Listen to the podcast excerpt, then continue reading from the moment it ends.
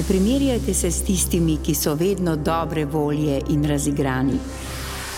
Slabega razpoloženja ne odpravimo z bližnicami.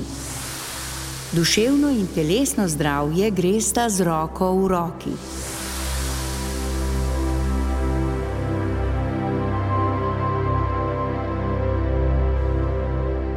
Danes je spet pred nami knjiga, ki obravnava vsakdanja vprašanja in zadevajo slehrnega človeka.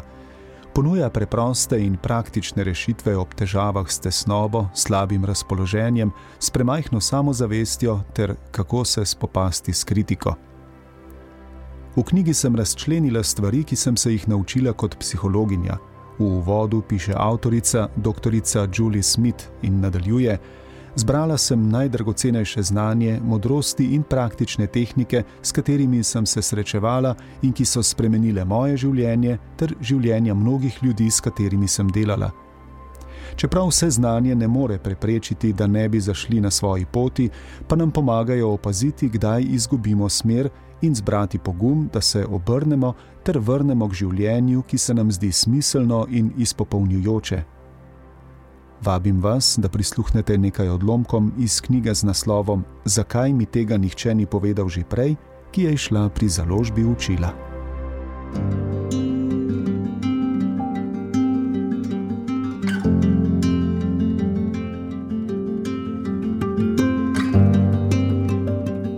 Vsi imamo slabe dneve, vendar pa se med seboj razlikujemo po tem, kako pogosti so ti dnevi in kako težki so.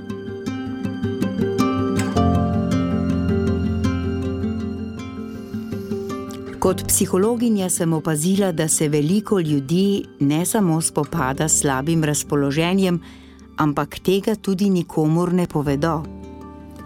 Njihovi prijatelji in družina ne smejo nikoli izvedeti za to. Prikrijejo ga, odrinejo ga na stran in se osredotočijo na izpolnjevanje pričakovanj. Včasih ljudje pridejo na terapijo po več letih takšnega početja. Primerjajo se z ljudmi, za katere se zdi, da imajo vse čas vse pod nadzorom, s tistimi, ki so vedno nasmejani in očitno polni energije. Prepričani so, da so nekateri ljudje po naravi takšni in da je sreča neke vrste ti posebnosti, ali jo imaš ali pa je nimaš. Če na slabo razpoloženje gledamo le kot na napako v možganih, se nam zdi sprememba nemogoča, zato ga raje začnemo prikrivati. Tako preživljamo svoj dan. Počnemo vse prave stvari, se nasmehnemo vsem pravim ljudem, ob tem pa se vse čas počutimo prazne, kot da bi nas slabo razpoloženje vse čas vleklo navzdol zato ne uživamo tako, kot nam je rečeno, da bi morali.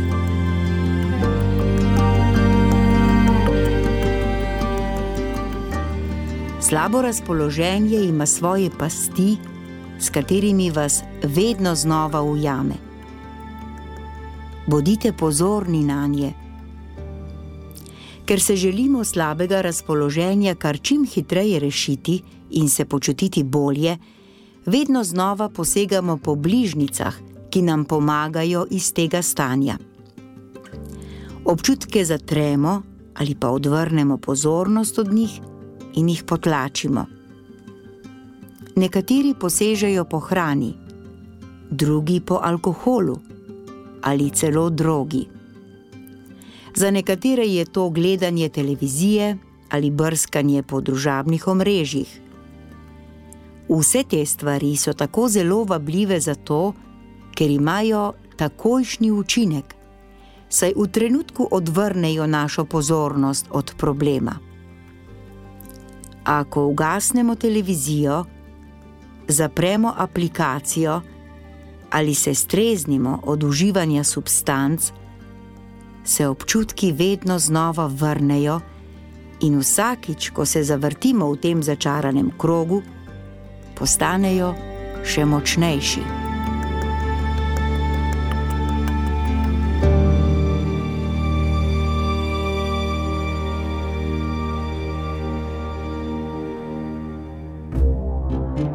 Sov in luč.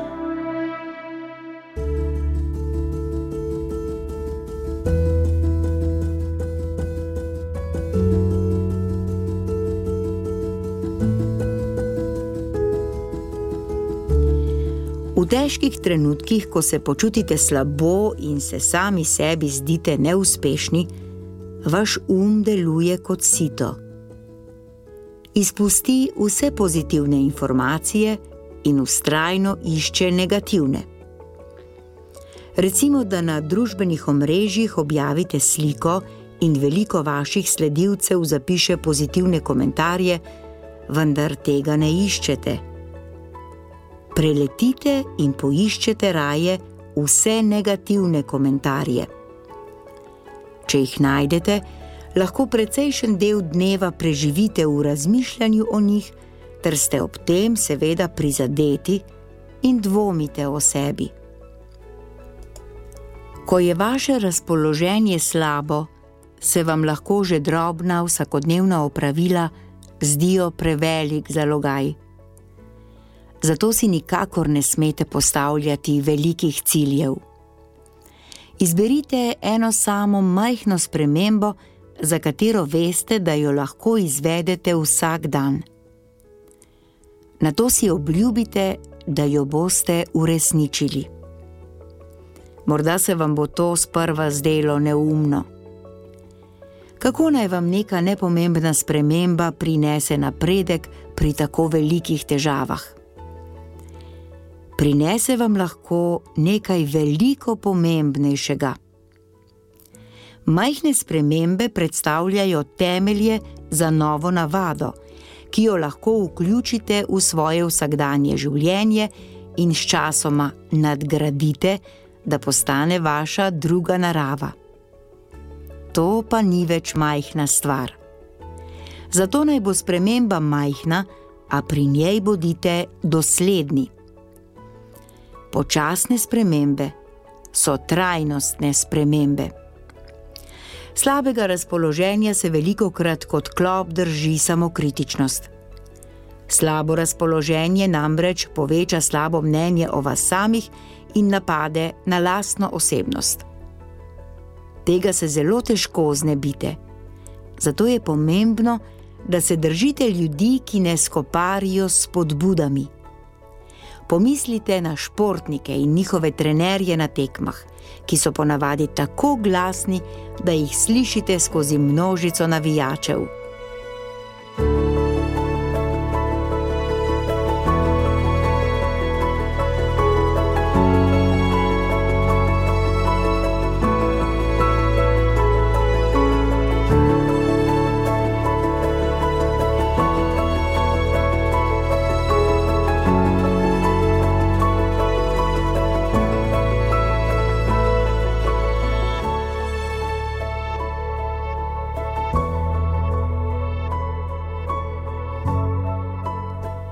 Izjemno moč proti slabemu razpoloženju ali celo hudi depresivni motnji ima telesna vadba.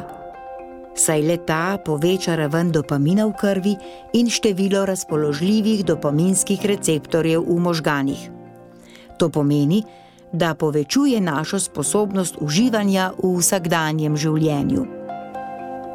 Če torej najdete vadbo, v kateri uživate, vam to ne bo prineslo le veselja med vadbo samo, marveč tudi povečalo vašo dovzetnost za iskanje veselja na vseh drugih področjih življenja. Tudi pri tem pa velja, da morate začeti z majhnimi koraki.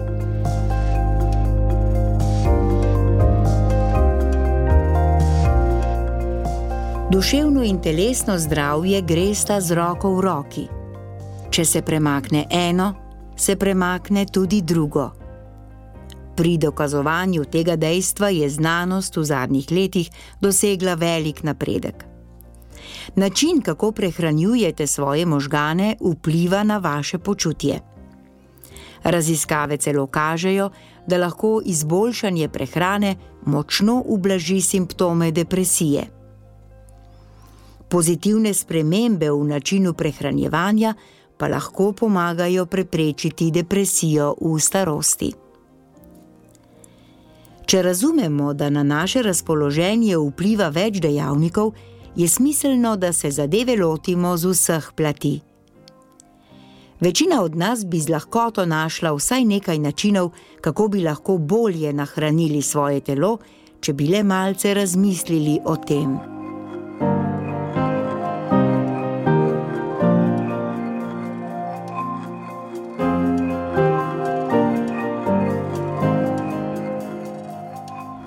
Medtem ko je skrb za lastno telo in um bistvenega pomena za naše zdravje, je skrb za kakovostne odnose eno najmočnejših orodij za ohranjanje dobrega duševnega zdravja skozi celotno življenjsko obdobje.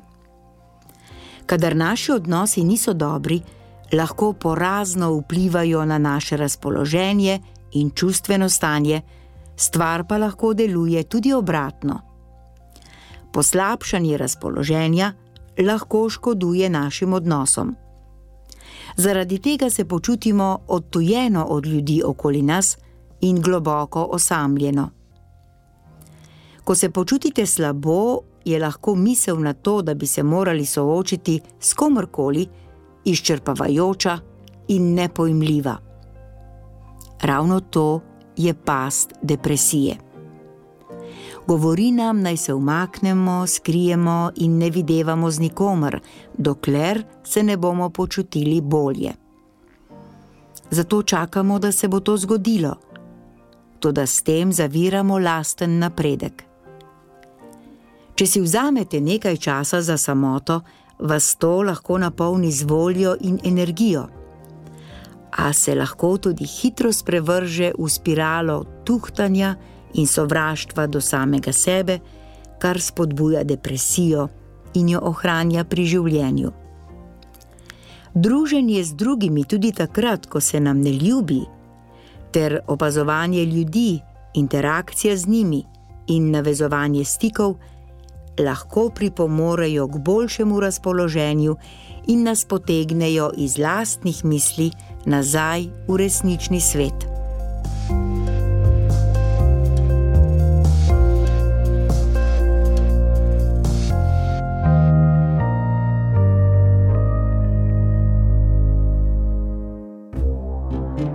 Sol in luč.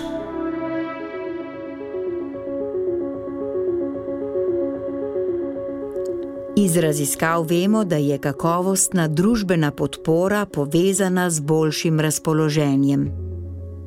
Veliko ljudi, ki nikomor ne povedo, da imajo težave, je trdno prepričanih, da bi bili ljudem okoli sebe v breme, če se jim ne bi predstavili v kar najboljši koži vendar znanost pravi drugače.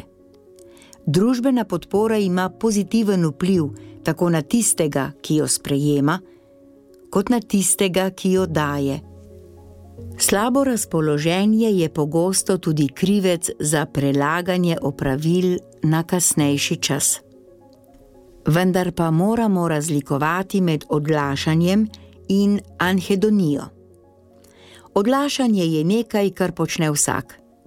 Radi namreč nekaj odložimo na kasneje, saj delo, ki ga moramo opraviti, sproža stresno reakcijo ali kak drug negativen občutek. Anhedonija pa je nekaj drugega. Pri njej prenehamo uživati v stvareh, ki so nas prej veselile. Povezana je s številnimi duševnimi težavami, tudi z depresijo. Ko se tako počutimo, se začnemo spraševati, ali se je sploh vredno truditi. Stvari, ki so nam nekoč prinašale veselje, postanejo nesmiselne. Ker jih ne želimo več početi, prenehamo z vsemi stvarmi, ki bi nam lahko izboljšale razpoloženje. Ko se začnemo izogibati nečemu, kar je za nas pomembno, je naravni odziv na to čakanje, da se nam bo zadevo spet ljubilo ukvarjati. Zato čakamo, dokler se spet ne počutimo polni energije, motivirani in pripravljeni. Težava pa je v tem, da občutek ne pride spontano, temveč ga moramo ustvariti z ukrepanjem. Če ne počnemo ničesar, to le še poslabša letargijo in občutek, da se nam nič ne ljubi. Če vam je nekaj pomembno in bi lahko koristilo vašemu zdravju, ne čakajte, da se vam bo ljubilo. Storite to, čeprav se vam morda ne ljubi. Predstavljajte si, da so vaši možgani kot džungla.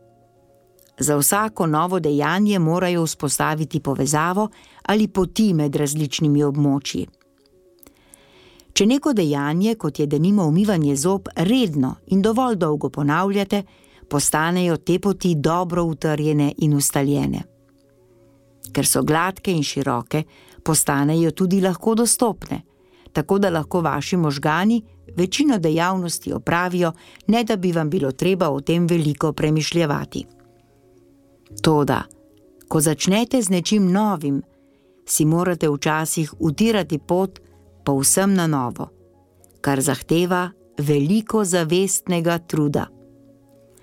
Če te poti ne uporabljate dovolj pogosto, bo vedno naporna, ker se vedno znova zaraste. Kadarkoli ste pod stresom, vaši možgani samodejno izberejo najlažjo pot, ker je ta dobro uhojena.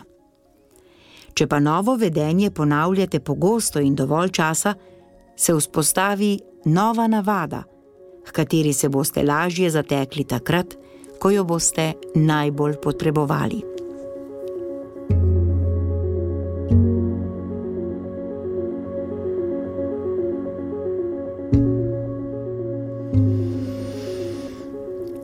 Ker motivacija ne prihaja iz kakšnega posebnega mesta v možganih in ni del naše osebnosti, mora priti od zunaj. Fizična aktivnost je ena od bližnic, ki nam lahko odpre pot do vsestranske motivacije.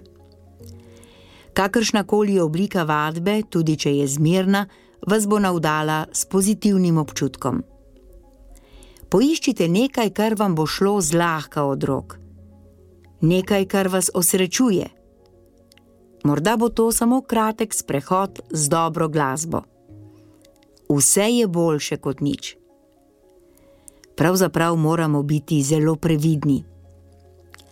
Ker ljudje stremimo k temu, da poskušamo takoj narediti veliko preobrazbo, od sebe pričakujemo preveč, zato pogosto začnemo izgorevati ali nam zmanjka volje in pademo v obup.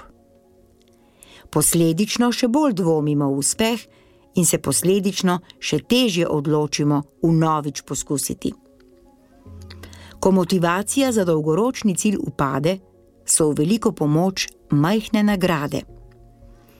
Pri tem ne gre toliko za zunanje, kot za notranje nagrajevanje.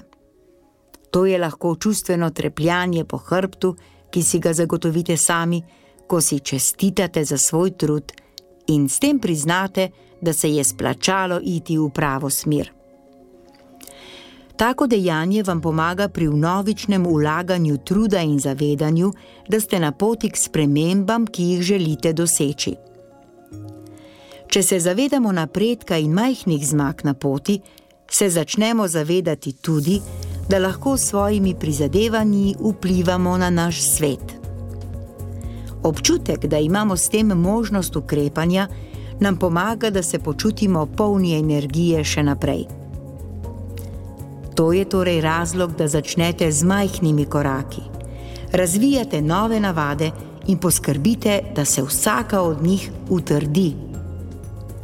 Ko se enkrat navadite dajati prednost zdravim vedenskim vzorcem, vas bodo ti ohranjali na pravi poti.